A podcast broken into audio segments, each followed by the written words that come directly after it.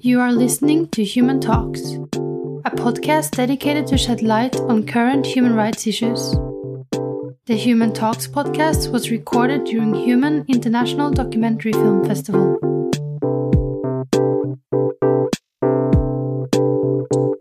Hei, hei, velkommen hit eh, til dette arrangementet som heter I veien for industrien. Eh, mitt navn er Inga Marie Nymoriseth, og jeg skal ha gleden av å lede denne samtalen. Eh, og med meg her så har jeg Ende Zombie, som er førsteamanuensis i rettsvitenskap eh, ved universitetet, eller UiT, det arktiske universitetet, det vel det heter nå. Eh, og Susanne Nordmann, som er stipendiat ved Senter for utvikling og miljø på Universitetet i Oslo. Og Mark Taylor, som er seniorforsker ved Fafo. Eh, og sammen så skal vi da prøve å fordype oss i dette spørsmålet om eh, kampen om naturressurser og økt bruk av makt og autoritære virkemidler. Eh, det er sånn at Over hele verden så ser vi at utbygging av industri, infrastruktur og kommersielt jordbruk det krever store landområder. Gruvedrift, oljerørledninger, vindmøller, plantasjer, vannkraft og andre naturinngrep det skaper konflikt. og Ofte så står det miljøaktivister og urfolksaktivister på den ene sida og store selskaper og staten på den andre sida.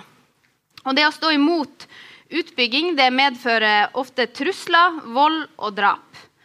Eh, Det er en organisasjon som heter Global Witness, som i fjor ga ut en rapport hvor de dokumenterte 164 drap på såkalte land defenders, eller beskyttere av jorda, eh, i løpet av 2018. Så det vil si tre drap i uka. Eh, og vi vet at tallene er mye mye høyere, for det å skulle dokumentere alt og ha det i en rapport, det krever ganske mye. Så de virkelige tallene er veldig mye høyere. Og I den rapporten så er det da land som Filippinene, Colombia, India og Brasil som topper statistikken. Eh, men Global Witness de roper også varsko om ei anna utvikling. Hvor myndigheter og selskaper bruker lovverk og rettssystem til å skremme og kriminalisere de som står i veien for inter interessene deres. Aktivister utsettes for svertekampanjer, arrestordrer, overvåkning og ransakelser som gjør det vanskelig å fortsette kampen sin. Og Dessverre så får dette ofte foregå i stillhet. Og Det skjer også i land som vi eh, har vært vant til å tenke som, på som liberal og demokratisk. Eh, I USA har Donald Trump et stort prosjekt om å bygge ut olje- og gassindustrien. og Det har møtt protester. og de her Protestene har da blitt møtt med et lovforslag om å straffe de som protesterer mot rørledninger, med opptil 20 år i fengsel. I Canada er det nå store konflikter om ei, et prosjekt som heter Coastal Gas Link Project. Som er ei gassledning som skal bygges gjennom området til eh, Vetsuveten-folket. Eh, og her kom det fram i desember at politiet hadde fått klarsignal om å bruke dødelig makt mot aktivister.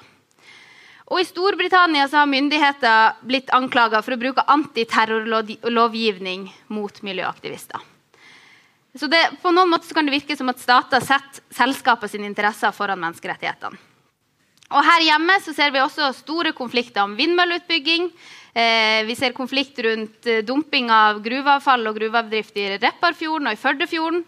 Eh, flere tusen har skrevet seg på liste for sivil ulydighet. Og for kort tid siden så kom det også frem at et kinesisk selskap som heter Elkem, har søkt staten om å ta samiske rettigheter med tvang for å kunne drive gruvedrift på Nasafjell i Nordland. Så det eh, vi skal prøve å svare på her og nå, er er, det, er vi vitner til en global trend. Eh, kommer vi til å se mer bruk av autoritær makt for å beskytte selskaper og profitt? Og hvordan forstår vi det her fra et norsk-samisk perspektiv? Kan vi sammenligne det som skjer eh, ute i verden, med det som skjer her hjemme? Eh, og bør vi være redd for en negat mer negativ utvikling? Um, så jeg tenkte egentlig å starte med å spørre dere Se, er vi vitne til en global trend, eller er det bare masse enkeltsaker som jeg har sausa sammen her? Er- Eller er det en global trend vi ser? Kanskje start med deg, Mark. Ja, er, jeg tror det er ingen tvil at det er en global eh, trend. Det, det er den uh, forskning fra Global Witness, som du har nevnt, er bare, bare en del av en voksende bevis for at uh, det er en trend mot de som, som uh, beskytter ikke bare jord, men andre typer sivilsamfunnaktivister fra fagorganisert arbeidstakere til, til journalister. Um, I tillegg til, til de, de dere Eh, du har, du har, nevnt studenter, aktivister, Extinction Rebellion uh, og, og, og, andre. Um, det er flere uh, virkemidler som har tatt i bruk. Jeg har forsket på den, den, den juridiske virkemidler som, som, har blitt brukt som en del av corporate lawfare, som det heter. Som strategic litigation against public participation slaps, sånn uh, saksøker, når det er en selskap saksøker uh, aktivister. Um, men de også bruker um, andre, andre, midler. De, de prøver å f.eks. For kriminalisere forskjellige typer av aktivisme. Boikott, f.eks., som har en ganske stor problemer for både selskaper og noen stater. Um, og, det, og, det er en forsøk i USA for eksempel, eller flere steder i Europa til å um, uh, uh, lovfeste uh, at boikotter er faktisk ulovlige. Mm. Så det er flere måter at vi, at vi, vi ser at um, selskaper, særlig flernasjonale selskaper, og stater sammen bruker, eller prøver å bruke rettslige midler mm. mot motstand. Mm. Um, og så ser vi jo at urfolk går igjen i flere av de her sakene. Um, at ofte så er det urfolksaktivister som, som trues. Uh, hvorfor det, og, ja, hvorfor er land så viktig for urfolk? Ja, Urfolkene har jo både et, et, praktisk forhold til landet, altså man lever på det landet man har. og Landet det gir enten uh, de uh, beite til dyr eller uh, vekster som kommer opp av uh, landet, eller kan, landet kan uh, omgi vannet hvor det er fisk, at, at man rett og slett over, har sin overlevelse fra landet. Og for mange urfolk så, så er det på det nivået altså hvor interessekonflikten blir så, så manifest at det er på det nivået det går. Men, men uh, urfolkenes forhold til land går jo utover dette materielle, funksjonelle. Sant? Man har jo um, både, både, et mytologisk og et, et, veldig viktig meningsunivers knyttet til, til landet. Jeg sjøl eksempelvis vokste opp med at, at vi forholdt oss til de underjordiske. Og, og det er jo um, representanter for, for uh, jorden, som man da uh, rent praktisk forholder seg til. Og det gjør jeg den dag i dag, eksempelvis når man uh, kom til en, en gamme på fjellet. Så skulle man fortelle hvem man var, hva man gjorde der, hvor lenge man kom til å bli der, og om man kom med fred. Og jeg gjør det den dag i dag. Når jeg kommer til et hotellrom, så, så, vet jeg jo ikke helt hva som har skjedd i det hotellrommet. Så da åpner jeg døren og så sier jeg god dag, jeg heter Ende, og jeg skal bo her i tre netter, og jeg er her på et seminar sånn og sånn, og, og at jeg kommer med fred og, og, vil gjerne ha fred.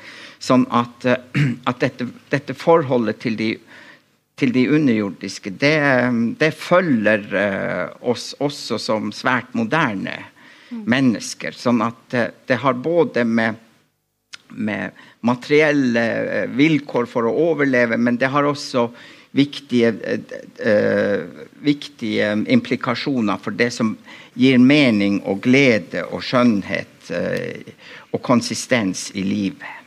Og da blir det veldig viktig å beskytte de landområdene? Da er det uh, meget viktig å gjøre det. Og, og uh, sånn som jeg ser det, så, så, vil det ofte være avhengig av, av Dels at selskapene ha, har en sivilitet i seg. Og I så måte så er det jo Verdensbankens initiativ for uh, utbygginger i urfolksområder. Det er et positivt eksempel hvor man har uh, sagt at, at, for at Verdensbanken skal finansiere, så må visse minstestandarder være oppfylt. Og så er man avhengig av at uh, institusjonene i statene funker. Sånn at, at, domstolene forholder seg saklig, eller at lovgiver forholder seg saklig. Men den, den viktigste garantien, syns jeg, det er jo at befolkningen er opplyst. Jeg har jo et positivt eksempel. Men kanskje vi skal komme tilbake ja, litt til det etter hvert, tenker jeg. Ja. Dvele litt med her, den trenden. Hva ja. det er først. Så spar den tanken. Eh, jeg tenkte på sant, Det er det her med rettssystemet, og så er det, det bruk av autoritær Altså rå makt, vold. Eh, Susanne, i din forskning så sammenligner du Du ser på en kamp som urfolk i Brasil kjemper, og sammenligner det med sørsamer sin kamp mot vindmølleutbygging her. Eh, kan du fortelle litt om det, og om det her Ser man noen sammenhenger? Ja, Um, jeg jobber jo med samfunnspsykologi uh, fordi jeg begynte å se at uh, etter at psykologien begynte å engasjere seg i klimaspørsmål, så reproduserte den en sånn veldig individualistisk og universalistisk måte å tenke psykologi på. Noe av liksom egentlig den mest status quo-bevarende arven som psykologi har. Den gikk rett inn i hvordan vi så på klima. Eh, og Det gikk da spesielt inn i hvordan man så på f.eks.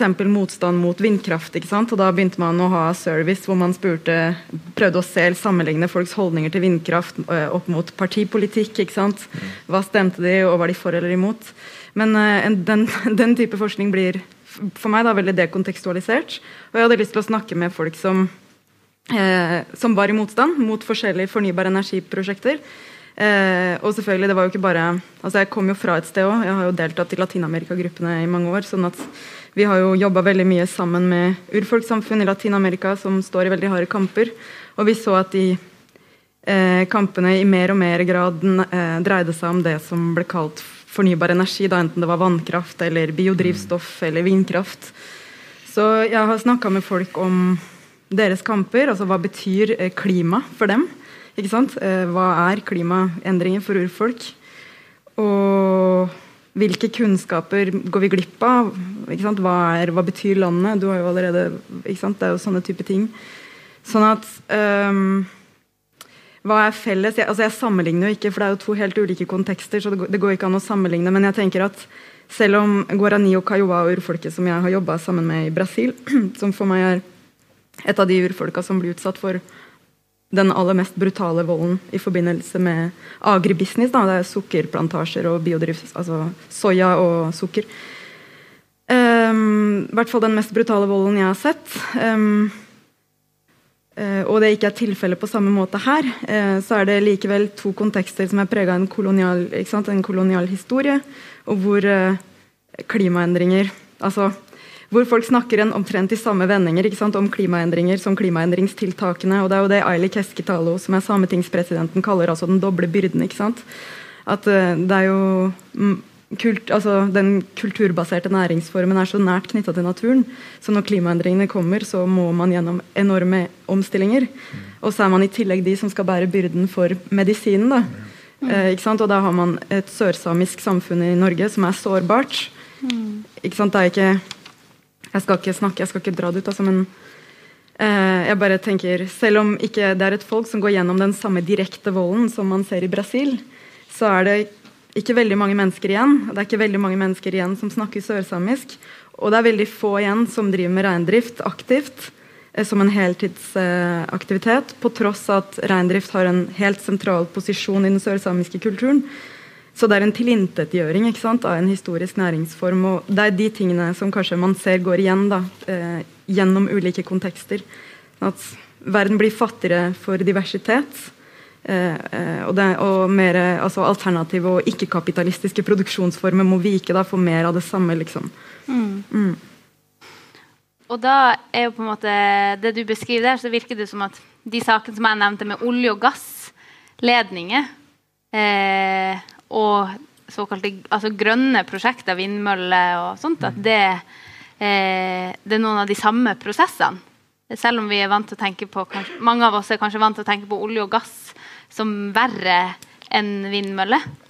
Eh, men i denne konteksten så er det kanskje er det likheter? Eller? Det som er spennende med, med, med vindmøllefenomenet i forhold til olje- og gassfenomenet, er at eh, den propagandamessige siden er at, at man selger inn vindmøller som at det er eh, bærekraftig, det er miljøvennlig, det er uh, fornybar uh, energi. Og uh, Sånn at det, det er noe, som, noe, nytt som skjer på propagandafronten òg. Mm. Jeg vet at større selskaper og også statlige aktører har, har en ny profesjon som kalles for metafordesignere hvor man da metaforiserer i, i, i litt sånn positive, salgbare bilder Um, altså hvor, uh, hvor viktig um, vindmøllene er for, for, for klimaet. Samt, og så får man en absurditet i, i propagandaen. For at, at, det innebærer jo at man må drepe masse villmark for å få til disse vindmøllene.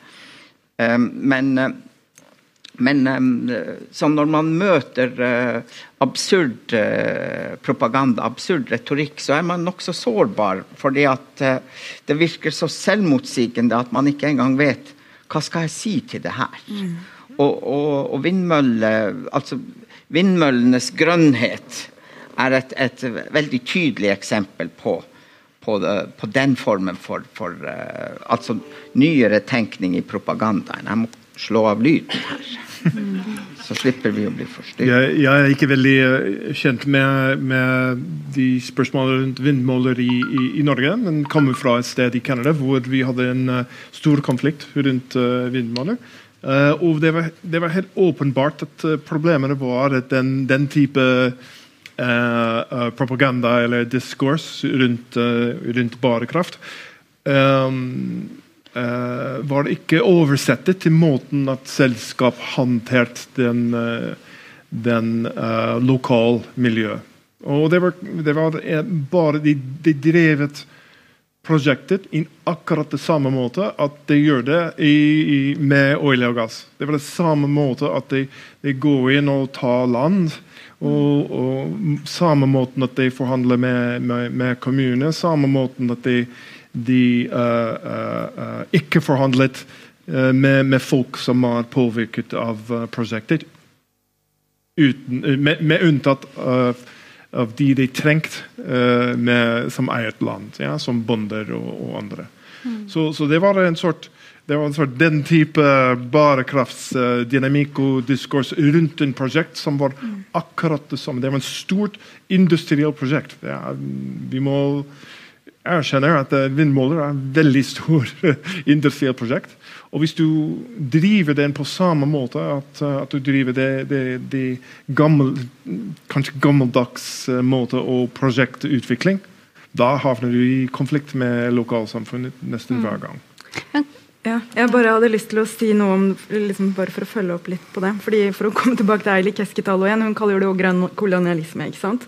Og I det så er det jo to ord som knytter fortida med mm. nåtida. ikke sant? Grønn kolonialisme. Og i, hvert fall i min forskning her da, så er det ganske tydelig hvordan eh, de samiske reindriverne som jeg har snakka med, ikke ser på vindkraft som noe nytt. ikke sant? Det er den diskursen som er veldig vond og vanskelig, men dette er mer av det samme. Til forskjell kanskje fra andre lokalsamfunn i Norge som ikke er samiske, ikke sant? hvor dette med vindkraft i veldig stor grad er et brudd. ikke sant? Altså Det er et brudd i diskursen. Det er noe nytt, det er noe man ikke er vant til. altså Det er utenlandske aktører som kommer inn og tar jorda di. Eh, så der har jeg sett en, sant, en forskjell mm. som har med sant, historien å gjøre, eh, og som har med et skifte i norsk eh, energipolitikk, mm. sant, hvor det er flere, altså det er et større territorium som som mm. skal inn og ja. Ja, for Det er jo et interessant spørsmål om det er, den, er den, Vi sa okay, det er en global trend, men er det en ny trend, eller er det bare fortsettelse av noe som har vært før i en ny, ny drakt? Ja, jeg tror at den nye drakten kommer eh, med, med, eh, først og fremst med propagandaen som, som brukes. Eh, Mens den gamle drakten er den prakt, praksisen som man, som man følger. Og det som er så Fra et samisk perspektiv som er så paradoksalt, er at man, når man eh, tar over et land, så kan man gjøre det på ulike vis. Man kan, man kan drepe folkene som er der, og så ta landet. Eller man kan kriminalisere tilstedeværelsen deres og så ta landet. Eller man kan være mykere og si at dere kan være der inntil mer nyttige interesser kommer, og så tar man landet da. Uh, og så kan man være uh, enda verre med at man man uh, tar landet, og så tar man menneskene som slaver. Det skjedde i, i uh, Sør-Amerika, og det skjedde på Nasafjell. Mm. I, da man fant sølv på Nasafjell. Og nå er vi tilbake med at det skal være åpne skruver på, på Nasafjell. Så det er en sånn utrolig symboltung eh, hendelse i, i akkurat det. Eh, sånn at eh, klærne er nye, uh, men kroppen er den samme. Mm.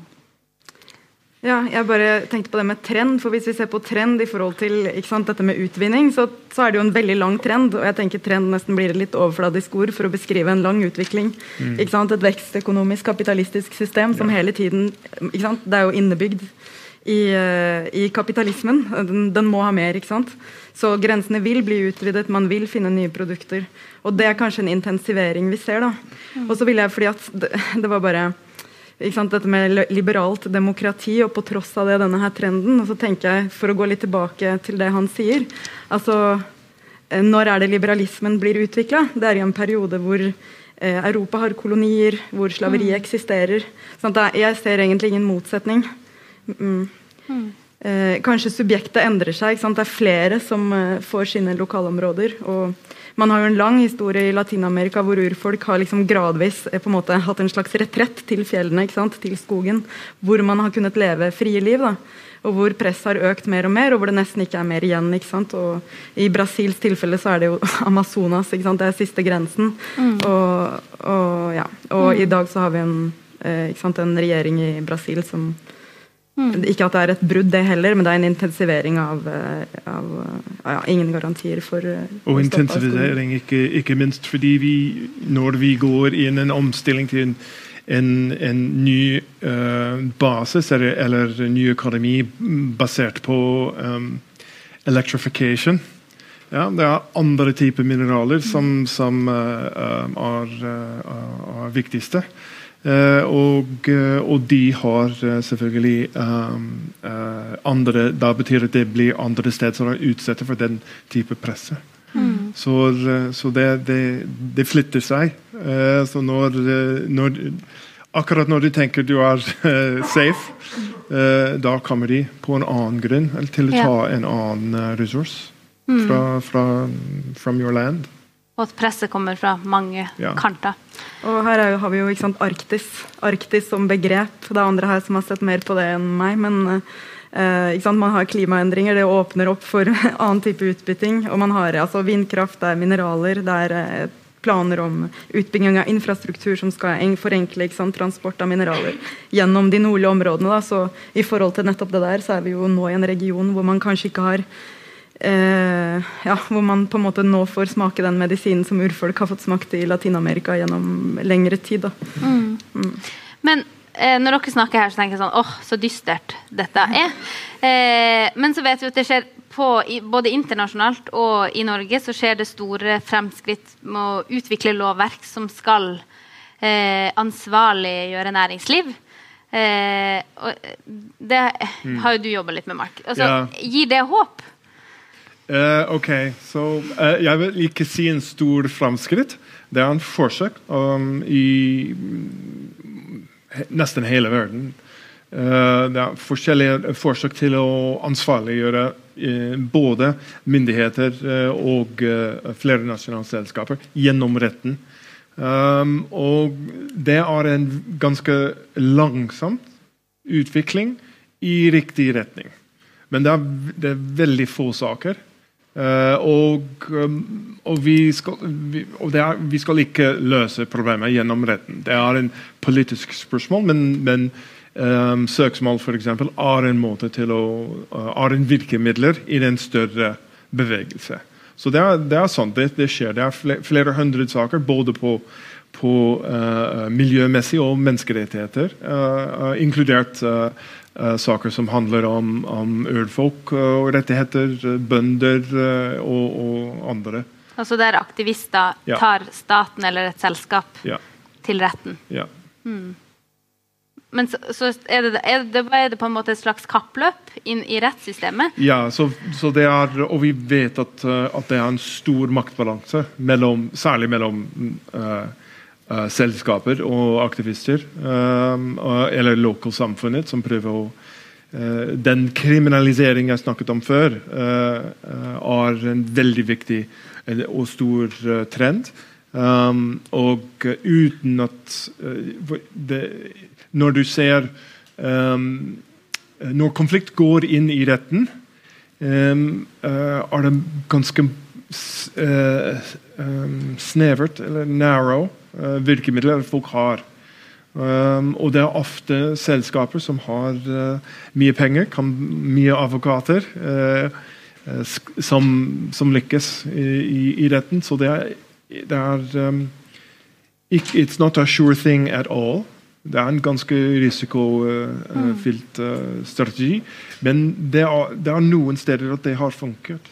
Mm. Det er noen filmer her i, i, festivalen som har handlet om det. Ikke minst Maxima, som åpnet uh, festivalen. Og som ble vist her tidligere ja. i dag. Mm. Mm. Du ville kommentere? Ja. Um, det er jo ikke jeg som vet uh, mest om retts... Men jeg tenkte jeg kunne si noen ting, så ja, kunne du kommentere på det etterpå. fordi Eh, ikke sant? Ja, det er jo en framgang. Altså, I Latin-Amerika så var det militærdiktaturer på 70- 80-tallet. Man hadde ikke noen lov man kunne bygge sin kamp på.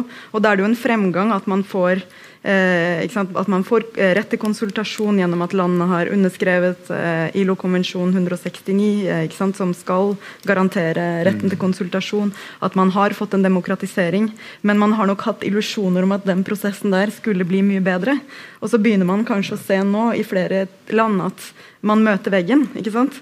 Eh, at det er for vanskelig, at sakene er for dyre. Og at, sånn som i filmen om Maxima, hun vinner jo. Hun vinner gang etter gang, men likevel så blir hun harassed ikke sant, ja. i sin um, mm. så, så, det er det ene. Og så tenker jeg ikke sant, Det du sier om narrow, det ser man jo mm. også her. da, eller Jeg har fulgt noen rettssaker her i Norge. Og jeg har tenkt mye på hvordan det å liksom flytte kampen fra gata og fra det offentlige rom og inn i en rettssal eh, begrenser veldig hvilke argumenter man kan bruke. Ikke sant? Eh, og da tenkte jeg veldig på det i stad, når du snakka om dette med, som har med kosmovisjon, spiritualitet, tilknytning til fjell.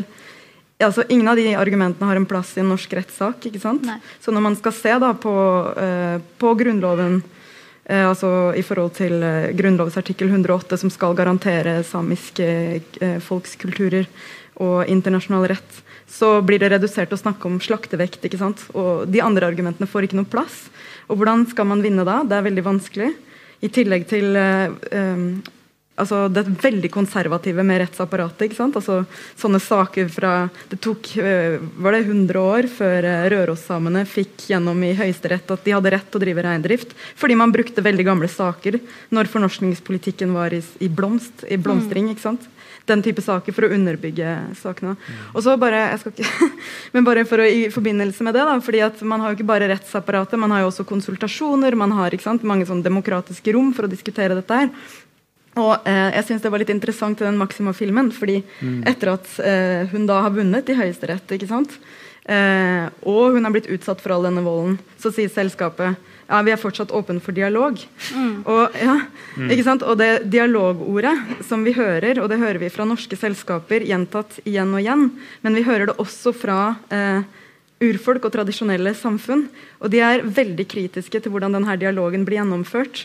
Sånn at Dialog det er blitt et buzzword som, mm. eh, som på en måte man kan sikkert snakke ulikt om hva en dialog skal være, men man, man, må jo tenke at det er to eller flere parter som skal komme frem til noe nytt. Da. Og at ikke det bare er et rom som på en måte kan være med på å legitimere den enes rett, fordi at man har fulgt de eh, prosedyrene.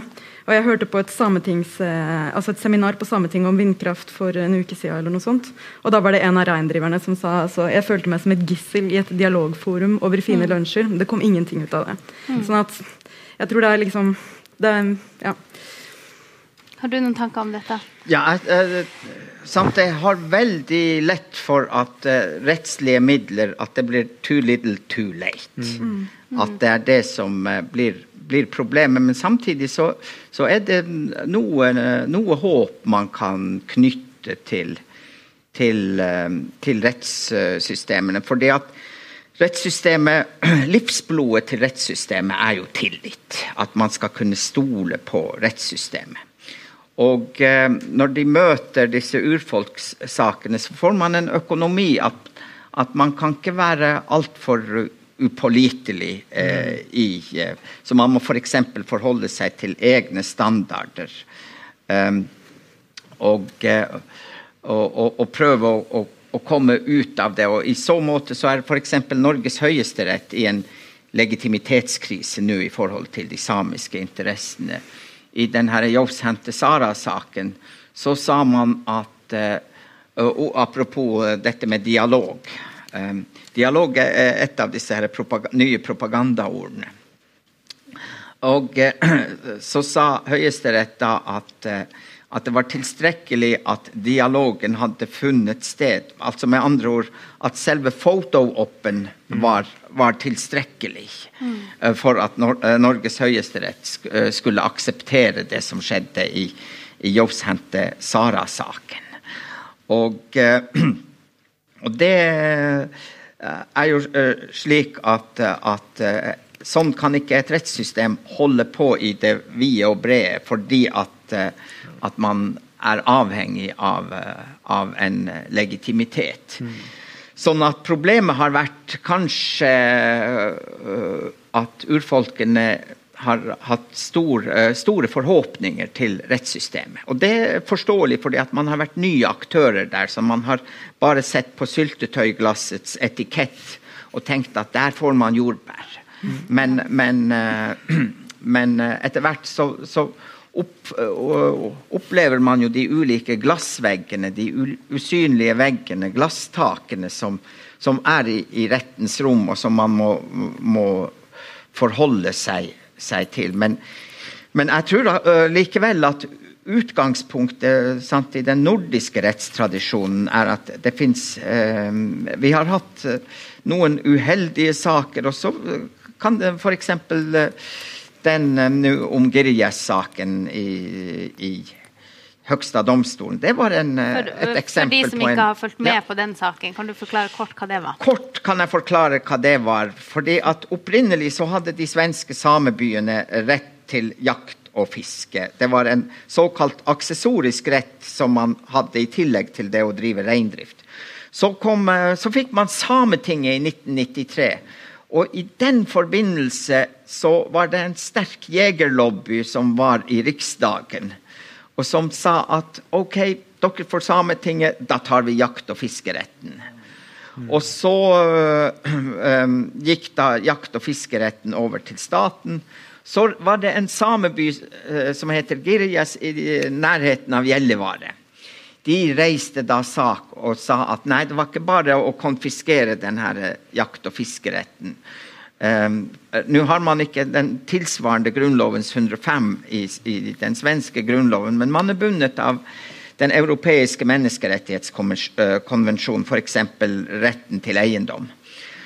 Og uh, Samebyen prosederte da på det og holdt på i ti år. En tiårig prosess uh, som ble avslutta nå for bare en måned siden så avsa Høgsta domstolen i Sverige en, eh, en dom til fordel for, for uh, samene. Og jeg personlig jeg har en, um, en, litt tro på Sverige, fordi jeg tenker at Sverige er en humanistisk stormakt.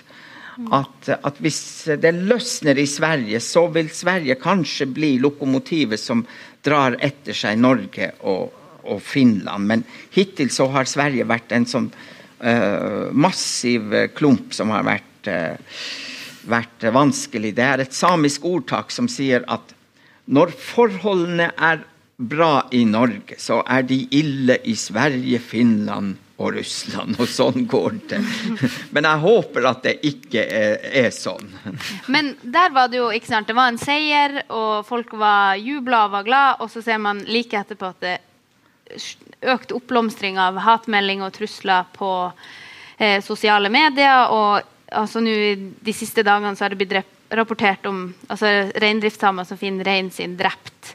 Eh, og der noen har vært og gjort tjuvslakt og også pint dyrene. Sånn at ja. ja, ja og, det, er der jeg, jeg, tenker jo at den ypperste uh, rettssikkerhetsgarantien, det er en opplyst befolkning.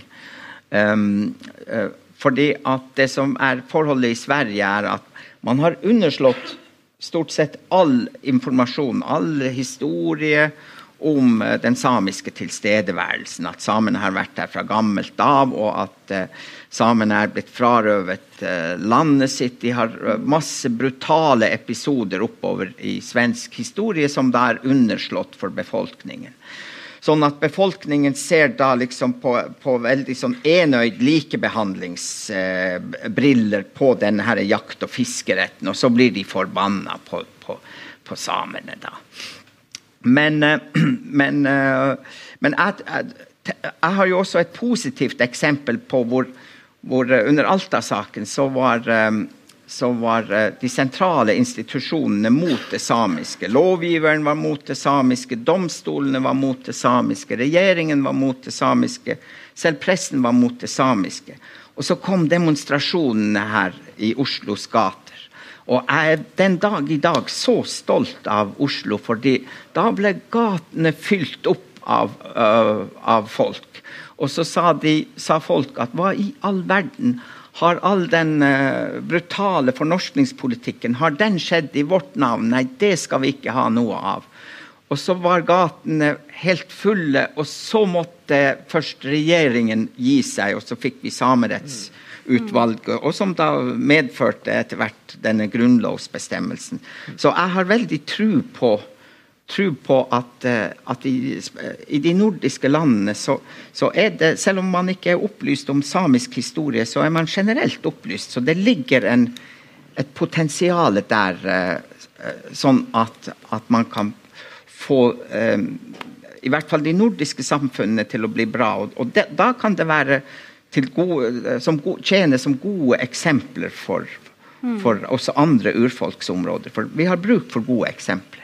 Men det, i Canada så ser man jo nå at den, i den Vetsuveten-saken at mm. det er demonstrasjoner over hele Canada ja. til støtte ja, ja. i solidaritet med den kampen. Veldig viktig solidaritet gjennom urfolk, First Nations, gjennom hele uh, Canada, hvor de har um, ikke bare gikk på gata, men har, har what you say, blockaded uh, um, uh, f.eks. Uh, det var full stans i østover i Canada uh, pga. Uh, blokade. Um, I solidaritet med, med, hva skjer i Wet'suwet'en på British Columbia som handler om en rørledning fra Tarzans i mm. Alberta gjennom uh, landene til, til, til urfolk. Men det kommer etter en politikk fra Ottawa, fra, fra hovedstad, fra uh, Trudeau-regjering siden 2015, som handler om reconciliation. Um, og dette politikk har eh, jeg tror det er, det er jeg, jeg, tror det er, eh, er, akkurat til å si ok, dette nå er over. Det, det, var en godt forsøk. Eh, det var veldig viktig til å åpne dialog. Særlig på den måten at du snakker om. At, eh, at den 95% i Canada som er ikke urfolk, har, har, ikke, er ikke veldig bevist om, om um, både levekår og, og, sosiale spørsmål, men særlig om politiske spørsmål. Om mm. hva det betyr for urfolk i Canada. Hva, hva sovereignty, suverenitet, betyr. Hva um, uh, title og eierskap til land betyr. Um, og forskjellige måter at begreper uh, om tilknytning til land um, uh, betyr. Så det var veldig viktig å ha den prosessen. Men det er samme regjeringer, det er Trudeau-regjeringer, som har satt foten ned. Som har autorisert bruk av, av militarisert politi til å gjennomføre den rørledninger og til å heve blokader. Mm. Så det er ganske polarisert. Um, og, det, det, og det, det, er ikke det første gang. Det er, det er en lang historie i, i Canada av, av, den type polarisering og bruk av makt av, av statens makt mm. um, til fordel til økonomisk uh, interesse. Mm. Susanne? Ja, um, jeg bare satt og hørte på det du sa, dette eksempelet fra Alta. Det positive i liksom, styrken da, fra solidaritet, egentlig. ikke sant? Eh, så satt jeg og tenkte, men hvorfor skjer ikke det nå? Altså, Fosen er jo et større prosjekt enn Alta. Det er det største prosjektet sånn som jeg har forstått det. Det er det største inngrepet i samiske land noensinne. Eh, og ja, det finnes solidaritet, men den er ikke så massiv. Den har ikke hatt den kraften, eh, antagelig, eller det, i hvert fall ikke ennå. Så jeg ble sittende og tenke litt på det. og så... Eh, og så, begynte du å snakke, og så satt jeg og tenkte på Canada har jo vært gjennom en sannhetskommisjon ikke sant, mm. for noen år siden. Eh, og Norge er jo oppe i den prosessen nå. Eh, den skal jo være ferdig i 2022 ikke sant, med rapporten. Um, så lurte jeg på ja, um, Fordi uh, jeg har snakka med altså Mange jeg snakker med, eller ganske mange ganske opplyste men mennesker egentlig, når jeg forteller hva jeg forsker på, og hva jeg tenker og hva jeg opplever og hører, uh, med de jeg snakker med, så merker jeg at eh, folk som jeg ikke forventa at ikke skulle være positivt innstilt til den kampen som noen reindriftsdistrikter fører for å beskytte landet sitt og sin kulturbaserte næring, at de ikke er så positive til det. Og at veldig mange eh, tenker klima, klima og utvikling, bærekraftig utvikling, og det må trumfe tross alt. ikke sant? Eh, så da lurte jeg på kan det være, tror, altså, tror, du at Sannhetskommisjonen var en slags opplæringsprosess av folk i Canada? Hadde det noe å si? For det er, liksom, er, det et resultat, det vi ser? Jeg tror det, det, det var veldig problematisk faktisk til, til, til slutt. Uh, men det var, uh, det, det var uh, i prosessen, i hvert fall. Um, jeg var tilbake i, i, i Canada i, i, to år siden når, når det begynte. Mm. Og det var i nyheten hver dag. Og ikke bare på, på headlines, men, men eh, diskusjon, programmer osv. Så, videre. så det var en, en, for, det var en, en forsøk til å, å, bygge på dette. Um, uh, men uh, hvor langt det har påvirket folk, jeg, jeg kan ikke si. Jeg, jeg, rett og slett vet ikke. Jeg, jeg tror jo at uh, folkelig engasjement er en ferskvare.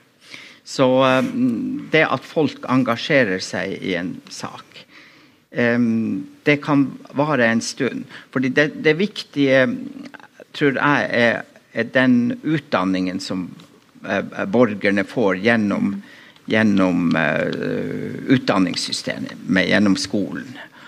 Og hvis du produserer borgere som tror at de er helt opplyste om, om vesentlige sider ved samfunnet sitt, også hvor du har underslått uh, urfolkshistorien uh, din. Så er det, det er en propagandamessig handling, det, dette informasjonsunderslaget. Og, og, det er jo uh, situasjonen for det norske folk om samisk historie, det er situasjonen for det svenske folk om samisk historie. Og det var uh, sant, Den diskusjonen rundt uh, Sannhetskommisjonen i, i Canada brakte jo også, også det fram. Og, og, det som er en, en utfordring i, i, en sånn situasjon F.eks. du får buzzwords som reconciliation, dialog eller et eller annet sånn positivt. Så kan man få en sånn double bind communication-situasjon med at det blir nesten som den som holder deg uh, sånn, og så slår deg og sier 'jeg elsker deg, jeg elsker deg', jeg elsker deg. Sånn at du har noen, og så sier du 'dialog, dialog, dialog' eller reconciliation, reconciliation.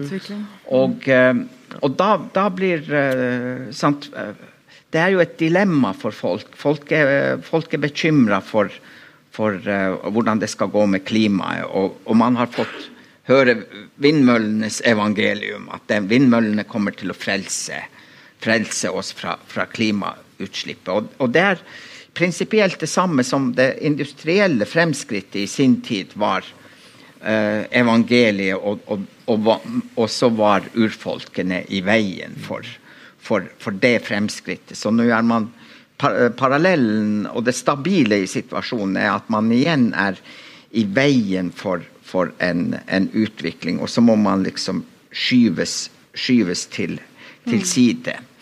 Og så, og så, glemmer man litt de, eh, de, prinsippene som man ellers bekjenner seg til, um, som, uh, som uh, uh, faktisitet og, og, at man skal forholde seg rasjonelt til juridiske prinsipper osv. At man strekker At en foto-opp er tilstrekkelig, f.eks. Den, jeg skal i, eh, på et seminar med Høyesterett 16. Eh. Jeg er blitt invitert som innleder, og da skal jeg ta den foto opp uh, det foto-opp-poenget der. fordi at det, det er, vi er i en situasjon hvor det må være et slags spleiselag med, med både at vi som er engasjert i urfolksspørsmålene, vi må ikke bli så frustrert at vi blir eh, depressive. Mm. Eh, Altfor svart. Så det er vår, vår, del av jobben. Og så er, eh, er det, Institusjonene må, må, må, skjerpe seg, og at man som samfunn må, må prøve å, å, rett og slett bli opplyst om samisk historie, om uh, både hvor mange samiske språk det er. Jeg syns jo det er kjempepositivt her. Eh, dette er jo et samisk ord. Homan. Det betyr 'jeg snakker'. Så vi har jo begynt her allerede. Ja. Um, jeg tror tida flyr ifra oss. Um, jeg tror vi skal åpne til for spørsmål fra salen. Så det er bare å rekke opp ei hånd, så kommer det en mikrofon rundt. Joo, kun tonhala saamikillitä, mun mun mai pohta, mus mai pohta mielellä saamasti, että mun aikon järjä, että ikuta huovujeralta aalu läädä okta ja sämmä, ja tällainen mantan, että äämi armo, että hei oamas maitia. Jag kan översätta det här till norsk, för jag är en vänlig själ. Så eh, det jeg spør om Jeg spør for så vidt alle, men først og fremst ende for å av hva det heter for noe. Snakke litt rundt det. det her at er ikke det grunnleggende hovedproblemet som vi aldri får has på, det her med at urfolk ikke eier landet sjøl? Ja. ja, det er, det er jeg enig i. Øh, og, og sant, å eie en, en gjenstand, det, det, er, det beskriver et forhold mellom en ting og et menneske. Et land og et menneske kan organiseres gjennom eierskap. Og eh, det er gjennom eierskapstenkningen at, at, man har eh, overtatt landet fra samene. Men hva var det den het, den her, eh, den her erklæringen som de spanske konkvistadorene ga til, til urfolk i Spania i gammel tid? Ga dem det valget at nå skulle de uh, underlegge seg den spanske kongen. Og så skjønte de ikke hva som ble sagt, for det ble sagt på spansk. Alle er blitt urfolk i vår tid. Uh, det er ikke bare samer, uh, det er ikke bare indianere, det er ikke bare aborigine. Som f.eks. måten Google har kolonisert altså gått med Google Photos og tatt bilde av alle uh, stedene hvor folk bor. Og, uh, og så, uh, for det har vi ikke eid. Vi har ikke eid det der. Det har ikke gitt oss mening å ha et eierskapsforhold til hvordan det ser ut utafor huset vårt. Men nå er det blitt kolonisert. Og så er det blitt gjemt bak Google sin 700 siders kontrakt. Så det er den samme måten å, å organisere uh, dette her på. Og Det gjør at, uh, at urfolksspørsmålene og urfolkenes situasjon den er, er uh, mye mer generell. Den gjelder ikke bare urfolkene, den gjelder alle mennesker Så eh, den som vil sette seg mer inn i det, kan lese Susanna Schuboff sin eh, bok 'Digital Capitalism', som, eh, som beskriver akkurat den måten eh, eh, privatlivet, ansiktsformen din og masse andre som vi ikke tenkte før at vi kunne ha et eierskapsforhold til. Men som vi nå må begynne å tenke at vi kan ha et eier. Eier er ansiktet mitt. Og den, det dilemmaet har urfolket havna i fordi at man har ikke organisert forholdet til landet gjennom eh, eierskapskonstruksjoner tidligere. Men nå må man gjøre det for å forsvare eh, landet mot inngrep. Og man må si i, i den saken i, i Canada og Sweden, de eier land. Men de har fortsatt eh, eh, påtvinget til å ta den rørledningen. Mm. det, og, det, og, og det er hele, hele konflikt gjennom eierskap og sovereignty. Ja? Og det ser man jo i den filmen Mac Maxima også, en historie med en dame i Peru som eier landet sitt, men så er det noen som vil komme og, og ta det. Ja. Jeg synes, Bare for å liksom også si noe, da, selv om jeg tror ikke jeg kan svare så godt. Men jeg tenker i Latin-Amerika så har jo territoriet vært helt grunnleggende for urfolkskamp urfolks kamp for autonomi. ikke sant? Man går ut ifra territoriet for å bygge opp. Men um, så ser man eksempler ikke sant, på når man har klart det. da. Eh, de stedene det har gått. Nå tenker jeg spesielt på Brasil med Bolsonaro som president, og som går veldig? Han gikk til valg på at urfolk ikke skulle få en centimeter til med jord, men i tillegg så har han en sånn integrasjonistpolitikk, hvor han tenker han, Hans diskurs er ja, eh, urfolk er mennesker akkurat som oss. altså Ergo de skal ikke ha noen rettigheter som ikke er de majoritetssamfunnet har. Og han går hardt inn på det, og han går inn på jeg tror, måter som berører folk. altså, altså ikke sant? Den indre koloniseringa. Altså den? Dette med en diskurs som har stått veldig sterkt lenge i Latin-Amerika, men også her. Det her med underutvikling versus utvikling. Hva er det som er å være utvikla, hva er det som er å ha et godt liv? Eh, og i tillegg liksom kjører inn med eh, genmodifisert soya i urfolksområdene. ikke sant? Sånn at de, de har fått territoriet, men det er andre ting også. ikke sant? Hvordan skal du kunne dyrke nok til å leve av det? Altså, hvordan skal du kunne ta med produktet ditt fra ditt område til et marked? Altså, når det ikke er noe offentlig politikk som ønsker at du skal bli der, så er det veldig sterke markedsmekanismer for å konvertere det du hadde fått, til enda et sånn agribusiness-utstrekning. Og det er det man ser. Eh, liksom, det er mange som snakker om det som den, den, den store trusselen nå da, under dagens Brasil. Andre spørsmål? Nei, jeg har spørsmålet. Eh, for, når jeg hørte dere snakke nå, så føler jeg at det er liksom kampen om naturressursene den kjempes på flere plan. Det er både liksom kampen om ordet, dialogen, alle disse buzzwordsene dere nevnte. Og så er det liksom kampen i rettssystemet. Og så er det det som skjer på bakken. Eh, så det er mange kamper som pågår, og så er det liksom et kappløp. Hvem er det, og hvem er det som har mest makt og penger og er liksom folkemasse da, med seg. Eh, hvor går vi herifra? Altså, eh, er dere positive, ser dere positivt eller negativt på, på framtida?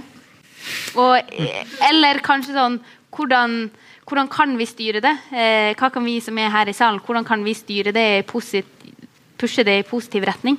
Altså, jeg tror at um, Hvis jeg skal si noe på det, da. Jeg tror at det er masse lærdom og erfaring i de prosessene. Man har kjempa på én måte, og så har man fått frem sant? Eh, rettsapparater, man har fått frem en, sant? systemer som skal uh, gjøre denne her eh, kampen litt lettere. Og så ser man hvor grensene går.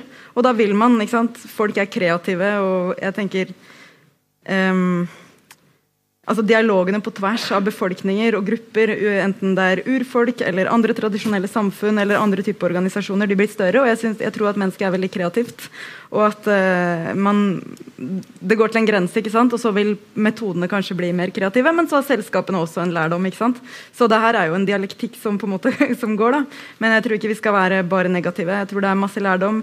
Og det er jo altså den Um, oppvoksende generasjon har jo vært veldig kreative. Man har klimaopprøret, man har moratorium på Nasafjell, man har hatt moratorium mellom Finland og altså i Tanaelva, Uh, med fokus på kunst, med fokus på internasjonalisme.